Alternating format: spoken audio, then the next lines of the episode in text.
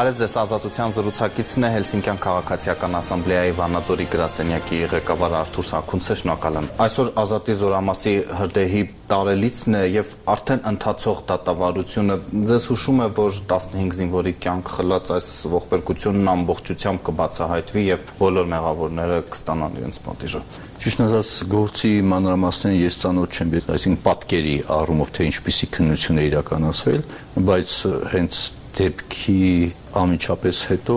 իմ հիմնական հարցը կայացել է նրանում, թե ով է որոշում կայացել, որ ինժեներասակրավորային վաշտի տեղակայման համար այդ տարածքը պետք է հատկացվի եւ ում հրամանով դրանից բխող արդեն հարցերը պետք է քննվի, որովհետեւ բացի տեղակայումից պետք է ապահովել անհրաժեշտ բոլոր անվտանգային միջոցներով եւ նաեւ միջոցառումների պլան հնարավոր նման դժբախտ պատահարների դեպքերում, ասենք թե որպեսի վնասները, կորուստները քիչ լինեն եւ այս հարցի պատասխանը ես տեղյակ չեմ։ Քննություն իրականացնող մարմինը անդրադարձել է թե ոչ։ Բայց հետեւություններ անելու համար այնուամենայնիվ տվյալներ թե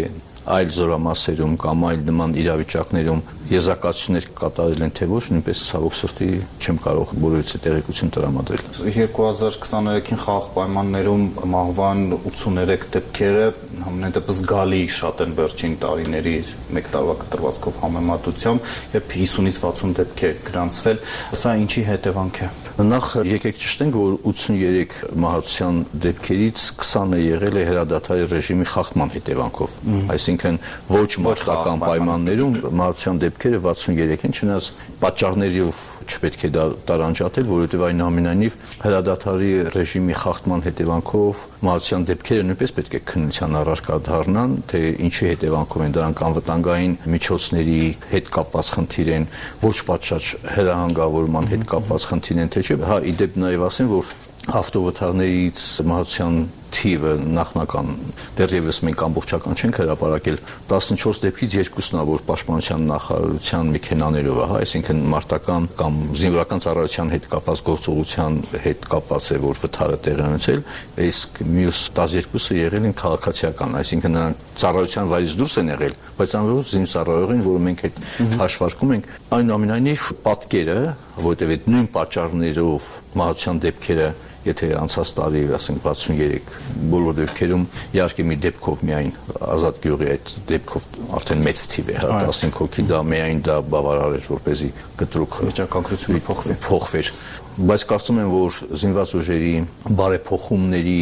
վերաբերյալ պնդումները պետք է ամրապնդվեն նաև իրավիճակի, հա, փոփոխության հետ կապված ուղղված գործողությունը, որովհետեւ մենք այդ պատկերը չունենանք եւ շատ կարեւորում ենք Եվրոպայի խորհրդի նախարարների կոմիտեի կողմից հանձնարարականները, որը տրվել է Հայաստանին եւ նրանցում համակարգային մի քանի հարցեր են ամրագրված, դրանցից առանձնացնեմ ազդարարման համակարգի ներդրման խնդիրը, որ անանուն չէ անանուն, այսինքն որ զինվորական ծառայության հետ կապված խնդիրների արկայության դեպքում, կանոնադրական հարաբերությունների հետ կապված վտահությունների դեպքում ահազանգողների անանունությունը եւ հետեւաբար անվտանգությունը պաշտպանված լինի, որտեղ եկեք համոզվենք, որ դեռևս այդ իրավիճակը այդ առումով չի փոխվել ինքնասպանության դեպքերին միշտ նախորդում են երկարատև, եթե այդպես են որակումը համարենք, հա, միշտ նախորդում են վատ վերաբերմունքի շահունակական դրսևորումներ։ Եվ եթե մարդը այդ վիճակում է գտնում եւ չի ահազանգում, դա նշանակում է ահազանգման համակարգը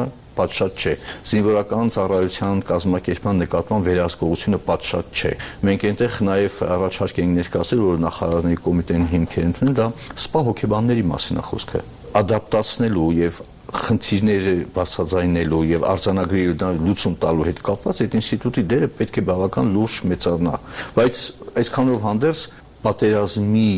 ծանր հետևանքները, որ առաջինը կրել է զինված ուժերը, սպաների, զինծառայողների բարեհոգեբանական մտնոլորտի առումով, մենք կարծում ենք, որ պատշաճ չեն ջանքերը, մեղմ ասած, որոնք պատասխանատվություն թե զինծառայողի նկատմամբ եւ զինվորական ծառայության նկատմամբ վերաբերմունքը փոխվեր, որպեսզի հենց զինված ուժերում անընդունելի համարվեր զինվորական ծառայության կազմակերպման եւ կարգապահության խախտումները այսինքն այս մտնոլորտը պետք է ձևավորվի որ անթույլատրելի վատ համարվի զինվորի զինծառայողի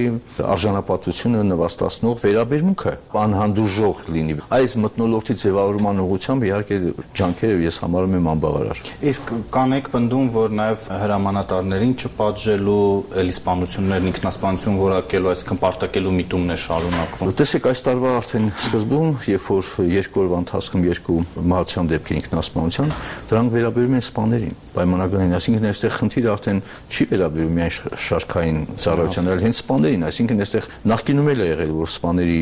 հետ էլ է կապված եղել, բայց կարծում եմ, որ շատ մտահոգի չէ, որ նաև հենց սպաներն են գնում նման քայլի, հա, կամ սպաների իրավունքների պաշտպանությունը նույնպես երաշխավորված չէ, այնպես որ այստեղ խնդիրը համակարգային է ընդհանրապես զինվորական ծառայության կազմակերպման հետ է կապված։ Եվ վերջինը այս մասով ձեզ համոզիչ թված պաշտպանության նախարարի փաստարկը, որ ձնահյուսի տակ մնացած է զինվորի մահվան դեպքի համար նաև արտաքին կողմն է մեղավոր, եւ եղել է ճնշում, ռեստորանում պատրաստվել, սпасել են, եկել են ասել են դե ինչ եղավ ուրեմն մեր տղան ընթառաջ են գնացել եւ այլն։ Իհարկե դա այն բացատրությունը չի, որտեղ զինվորական ծառայության կազմակերպման հետ կապված գործում են հրահանգները Այսինքն արտաքին եւ ներքին ճնշումները ինչ գործ ունեն այդտեղ, հա։ Իսկ ծնողը շատ բան կարող է ասել հետ։ Չէ, հիմա հասկանալի է, բայց բոլոր դեպքերում որոշում կայացնողը հրաման տվողը ծնողը չի կամ որևիցե ես չեմ դուք չեք հաշվի պետք է առնել եղանակային պայմաններ, հաշվի պետք է առնել իրավիճակներ եւ այլն, որովհետեւ զինծառայողը չպետք է հայտնվեր զնի տակ։ Ավելին, երբ է արձանագրվել զինվորի անհետանալու պահը, ում է ահազանգվել, ինչքան ժամանակ հետո է ահազանգը եղել Պաշտպանության նախարարություն կամ հրամանատարին, Պաշտպանության նախարարությունից երբ է տեղեկատվությունը անհետանալու վերաբերյալ փոխանցվել փրկարար ծառայությանը, եւ փրկարար գործողությունները երբանից են սկսել։ Սա ես խոսում եմ ժամանակային տիրույթների հետ կապված, որը պետք է քննության առարկա դառնա։ Եվ շատ հարցերի պատասխան կտա։ Այո, եւ հիմա արդեն թե արտաքին ճնշման, թե ոչ պատշաճ, խնդիրը նույնիսկ դա չէ։ Սա երևույթի մի կողմն է, այլ փաստի արձանագրումից հետո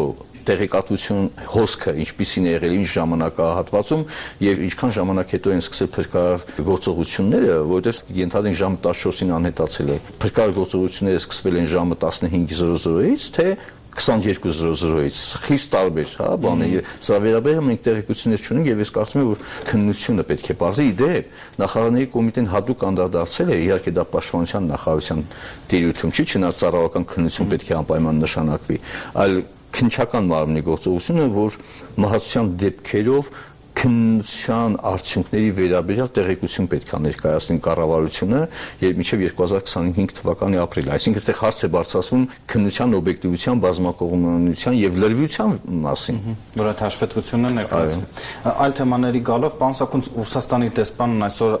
ասել է, որ Գյումրիից ռուսական բազան դուրս բերելու հարց օրակարգում չկա, բայց ես ուզում եմ հիշեցնել, որ ընդամենը ամիսներ առաջ վարչապետն ասել էր, որ այդ բազայի առավելությունները հայկական կողմը չի տեսել ասել։ Արդյոք այն անվտանգություն այսօր չի ապահովում, ես նկատի ունեմ որպես զսպող գործոն Թուրքիայի սահմանին։ Էրդողանի հետ Պուտինը ռազմավարական կարելի ասել ներդաշնակության մեջ են շատ ավելի սերտ են Թուրքիան չի կիրառում եւ չի մասնակցում պատժամիջոցին այնտեղ Ռուսաստանի չնայած Ռուսաստանի Դաշնությունը սանձազերծել է ագրեսիա Ուկրաինայի դեմ լինելով ՆԱՏՕ-ի անդամ լինելով Եվրոպայի խորհրդի անդամ Թուրքիան, Էրդողանի ռեժիմը Պուտինի հետ ճունի հակասություններ հետևաբար հարց եթե դու այդ ռեժիմի հետ կամ այդ կառավարության կամ այդ պետության հետ ճունես հարցեր այդ դեպքում դու ինչ խնդիր ես լուծում, այսինքն ո՞րն է այդ վտանգը, որովհետև մենք խնդիր ունենք անվտանգության հետ կապված Թուրքիայի հետ, որովհետև Թուրքիան ակնհայտորեն աչակցել է Ադրբեջանին Արցախի բռնի էթնիկ զտման առումով եւ 44 օրյա պատերազմին, ինչպես նաեւ նույն Ռուսաստանը։ Այսինքն, այստեղ հարցը, երբ որ գրվում է թե չկա օրակարգում, օրակարգում պետք է լինի, որովհետև ռուսական բազան կամ ռուսական դաշնության զինվորական ստորաբաժանումը այլևս չի կարող չհանդիսանալ սպառնալիք որևէ պետության համար, որը ընտրել է ժողովրդավարության զարգացման ուղին։ Հատկապես Հայաստանի պարագայում, երբ որ Դա մենք փաստը տեսել ենք թե ռուսական խաղապահ այսպես կոչված կոնտինգենտի ներկայությամբ ինչպես բռնե տեղահանումը եղավ։ Դեռևս 2008 թվականին, երբ որ Ռուսաստանի Դաշնության կողմից եղավ ագրեսիա Վրաստանի դեմ, այն ժամանակ հերիտորական հարց եմ հնչեցրել։ Իսկ ինչ երաշխիք կա, որ ռուսական բազան մի գեղեցիկ օր ճակերտեոր չի հայտնի ազատության հրապարակում Երևանի եւ պարտադրի իր կամքը, հա, կամ կատարի հեղաշրջում, որովհետեւ Վրաստանի դեմ ագրեսիան հենց մասնակցեցին այսպես կոչված խաղապահ կոնզիգենտը, որոնք տեղակայված էին Աբխազիայում եւ Հարավային Օսեթիայում։ Նույնպես որ այն որ ենթանեք օրակարգում չի, դա շատ սխալ է եւ վարչապետը որ նշում է որ որևիցե օգուտ չկա, դա ուղղակի շատ զուսպ է ասված, մեղմ է ասված, ընդհանրապես ռուսական ներկայությունը ինքը վտանգ է հանդիսանում Հայաստանի Հանրապետության անվտանգության համար։ Սա հստակ է, որովհետև չի կարող նույն ռեժիմը մեկ այլ պետության ինքնիշխան պետության համար վտանգի աղբյուր հանդիսանալ, մեկ այլ ինքնիշխան պետության համար վտանգի աղբյուր չհանդիսանալ։ Այդ դեպքում դուրս է գալիս, որ Հայաստանը հանձնված է Ռուսաստանի Դաշնությանը, եթե մենք վտանգ չենք տեսնում կամ ինքը խնդիր չի տեսնում, ասենք թե որ այդ զինված ուժերը օգտագործելու է Հայաստանի Հանրապետության ինքնիշխանության դեմ։ Այդ շարքին կդասեք նաև սահմանապահ ծառայությունում ռուսների ներգրավվածությունը։ Դրանից հայ-ռուսական միջպետական պայմանագրով սահմանապահ ծառայության նախատեսված էր, որ ժամանակի ընթացքում 92 թվականից հետո սահմանապահ ծառայությունը պետք է փոխանցվի Հայաստանի հայկական կողմը։ Եթե նախորդ իշխանությունները ջանքեր չեն գործադրել այդ փոխանցումը ապահովելու համար, Հայաստանի ներկայ իշխանությունը պարտավոր է այդ պայմանագրի այդ կետը, սևով սպիտակի վրա գրած կետը իրականություն դարձնի, հա, թեկուս ուժ եւ հայ-թուրքական սահմանի, հայ-իրանական սահմանի սահմանային պաշտպանությունը ամբողջությամբ պետք է իրականացնի հետ խորհրդային, հա, ժամանակատվածում այդ միջպետական պայմանագրով։ Ավելին ռուսական սահմանապահ ծառայությունը պետք է հերացվի եւ դրա ներկայությունը, հատկապես ՖՍԲ, այսպես կոչվածի,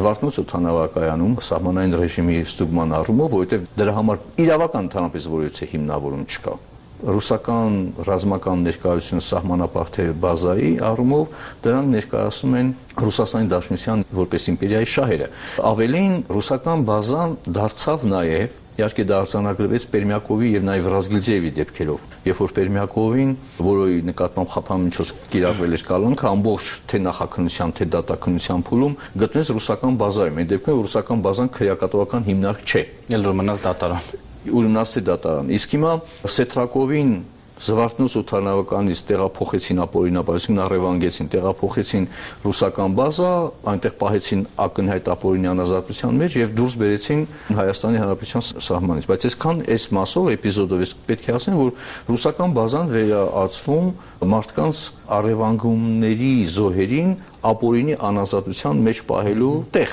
հա։ Իսկ դա համապատասխանում է ռուսական բազայի կարգավիճակին։ Ոչ իհարկե։ Եվ Կապիրկինը կամ Ռուսաստանի Դաշնության ներկայացնում որ երբ լրության են մատնում, ցավոք սրտի լրության են մատնում նաև Հայաստանի իշխանությունները։ Մինչև հիմա մենք չենք կարող քրեական գործի հարություն ստանալ ինթվարկած ապօրինի գործողությունների հիմքով։ Եվ ռուսական բազայի ղեկավարը հանձինս իր հրամանատարը եւ Կրեմլի ինքը բացարձակապես անպատիժ է իրեն զգում եւ թքած ունի Հայաստանի Հանրապետության իրավական համակարգի վրա։ Մեր հաստատողներն ուղղակի հիշեցնենք, որ Սետրակովը հրաժարվել էր ուկրաինական ճակատ մեկնել եւ հայտնվել էր ուշադրության կենտրոնում ռուս իրավապահների։ Եվ հաջորդ թեմային գալով վարչապետն այսօր խոսել է նոր սահմանադրության մասին, բայց չէ որ նախկինում արդեն ստեղծվել էր անձնաժողով եւ մասնագիտական խորհուրդ, որի անդամ եք նաեւ դուք հիմա ասում է խոսքը ոչ թե կառավարման մոդելի փոփոխության եւ այլնի մասին, այլ ընդհանրապես մեզ նոր սահմանադրություն է պետք, որտեղ նախկինների լեգիտիմությունն է կասկածի տակ։ Մեզ նոր սահմանադրությունը պետք էր 2018 թվականի Թավշա հեղափոխությունից հետո ամիջապես։ Անցել է մոտ 6 տարի, երբ որ նոր հնչեցվում է այդ միտքը։ Իհարկե կարելի ասել լավ է ուշ քան երբեք, բայց սահմանադրությունը դա այն երևույթը չէ, որի նկատմամբ կիրառելի է նման մեղմ գնահատումը, որովհետև ի սկզբանե այս սահմանադրությունը մենք համարել ենք պետության զավթումը երաշխավորող սահմանադրություն եւ հիմնավորումներ տվել ենք։ Այս սահմանությունը պետության անվտանգությունը չերաշխավորող ընդհանրապես ավելին սպառնացող սահմանադրություն է կոնկրետ նաև խոսքը վերաբերվում է 2022 թվականի հունվարին, երբ որ Հայաստանը հապկի շրջանակներում առանց ազգային ժողովի հետ համաձայնության վարչապետի կամ կառավարության ցուցումով զինված ուժերը հայտնվեցին մեծ ստորաբաժանումները հայտնվեցին Ղազախստանում ներքին անկարգությունների հետ կապված այն դեպքում երբ որ պետք է ազգային ժողովը պես քաղաքական մարմին հա եւ օրենսդիր մարմին նա թույլատրել որը կար նախորդ համանadrության մեջ հիմա չկա այսինքն մենք բազմաթիվ դրվագներով բազմաթիվ դեպքերով հիմնավորել ենք ցույց ենք տվել որ սահմանադրությունը անպիտան է ժողովրդավարական պետության եւ նրա զարգացման համար։ Հիմա եթե նոր է հասկացել վարչապետը կամ ընդունել այդ գաղափարը, իհարկե ողջունում եմ, բայց մենք սահմանադրական փոփոխությունների հանձնաժողով է կոչվում կամ խորհուրդ։ Այդ դեպքում երևի թե պետք է նոր process սկսենք եւ ինչքան շուտ այնքան լավ։ Կրկին շնորհակալ եմ մեր հրավերին արձագանքելու համար։ Ազատությունում էր Հելսինկյան քաղաքացիական ասամբլեայի Վանաձորի գրասենյակի ղեկավար իրավապաշտպան Արթուր Սաքունցը։